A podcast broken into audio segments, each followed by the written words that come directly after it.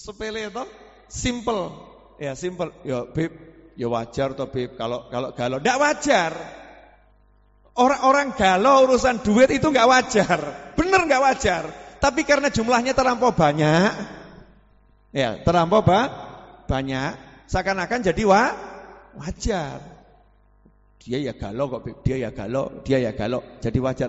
Sebetulnya tidak wajar. Asyak firizik, syak firrozik. Meragukan rezeki berarti meragukan yang memberi rezeki. Ngeri loh. Wong hidup di dunia itu dijamin, sholat selesai selesai, urip urip. Entek rezekimu mati, gitu aja kok repot. Lah iya betul, eh, betul kan itu pulsa listrik itu kalau pulsanya habis mati atau enggak mati? Mati, oh begengsernya sehebat apa pun, ya wattnya segede apa pun, voltasenya sebesar apa pun, pulsa entek ya mati. Betul? Nah, iya. Ganteng, gagah. Rezeki entek, mati.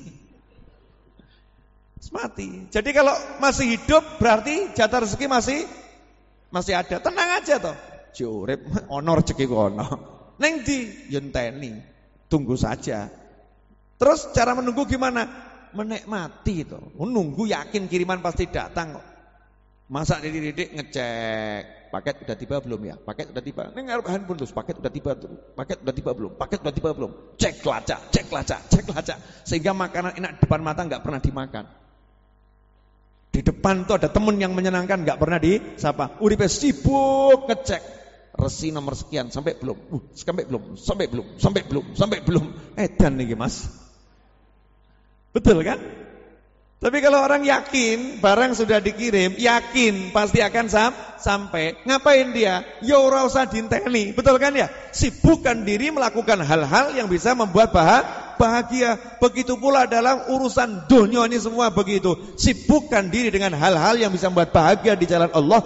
Gak usah kamu mikir yang jadi apa tanggungan dari Allah Subhanahu wa taala. Tak jamin, tak jamin Kata Allah begitu. Ya tenang no pikirmu, leren no hatimu. Enak Allah.